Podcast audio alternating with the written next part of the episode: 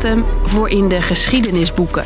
24 februari. There are big explosions taking place in Kiev right now. Wij slapen nog, maar de eerste Russische raketten vallen op Oekraïne.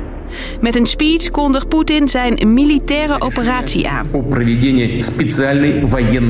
Ineens is het oorlog in Europa. We beginnen wel een beetje steeds meer zorgen te maken nu het echt zo dichtbij komt. De oorlog in Oekraïne heeft heel veel impact. In het land zelf, maar ook bij ons. Wij zullen zo ruimhartig mogelijk uh, opvang bieden aan Oekraïnse vluchtelingen. Anderhalve week geleden kreeg ik mijn energierekening binnen en wist niet wat me overkwam. Ik ben Hilde en ik vertel je wat voor impact de oorlog heeft gehad. En kijk met je vooruit naar volgend jaar. Is er dan eindelijk vrede? Lang jaar kort. Een terug- en vooruitblik van NOS op 3 en 3FM.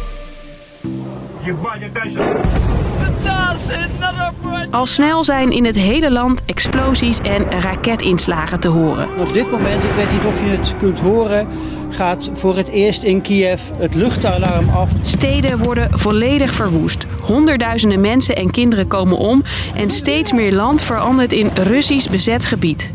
President Zelensky vraagt vanuit een schuilkelder of tussen het puin het Westen om hulp. Doet hij niet in een net strak pak, maar ongeschoren in een legerbroek en groen t-shirt. Hij wil zo snel mogelijk lid van de EU en de NAVO worden, want dan helpen landen hem automatisch. Maar dat gaat niet zo snel. Toch overleggen wereldleiders zowat iedere week wat ze wel kunnen doen. Later today we will present a package of massive and targeted sanctions. Laten we maximaal inzetten op sancties. Behalve steeds strengere strafmaatregelen tegen Rusland, halen landen van alles uit de kast om Oekraïne te helpen. We will continue supplying arms to Ukraine as the Netherlands, including heavy equipment such as armored vehicles and self-propelled howitzers. Oekraïners vluchten massaal op zoek naar veiligheid. Bijvoorbeeld Nederland. Mijn vorige leven is niet meer en ik kan misschien nooit meer terug naar de stad waar ik was geboren, naar mijn ouders. Door heel Nederland maken gemeenten bedden vrij voor Oekraïners. Ook mensen zelf zetten hun deur open. Wij willen graag iets doen, dus gaan een plek maken zodat we hier uh, mensen op kunnen vangen de komende tijd. Bijna 100.000 Oekraïners vinden hier een veilige plek. Tegelijkertijd vragen steeds meer Nederlanders zich af: hoe veilig is het hier? Ja, ik ben een beetje bang dat ze hier in Nederland uh, gaan binnenvallen. Op het moment dat er maar één uh, NAVO-land bij betrokken raakt, ja, dan gaat het wel los. Dus daar maken we wel uh, zorgen om. Atoombunkers en schuilkelders die tientallen jaren geleden zijn gebouwd, zijn weer populair. Er is zeker veel interesse. Dat komt ook door de situatie in Oekraïne. En wij merken dat door het toenemend aantal bezoekers. En de sancties, waar ik het net al over had, ja, die merk jij in je portemonnee. In een paar weken tijd lijkt het of de prijzen wel met 20% gestegen zijn. Dingen als graan of zonnebloemolie die normaal uit Rusland of Oekraïne komen, zijn nog steeds amper leverbaar en duur.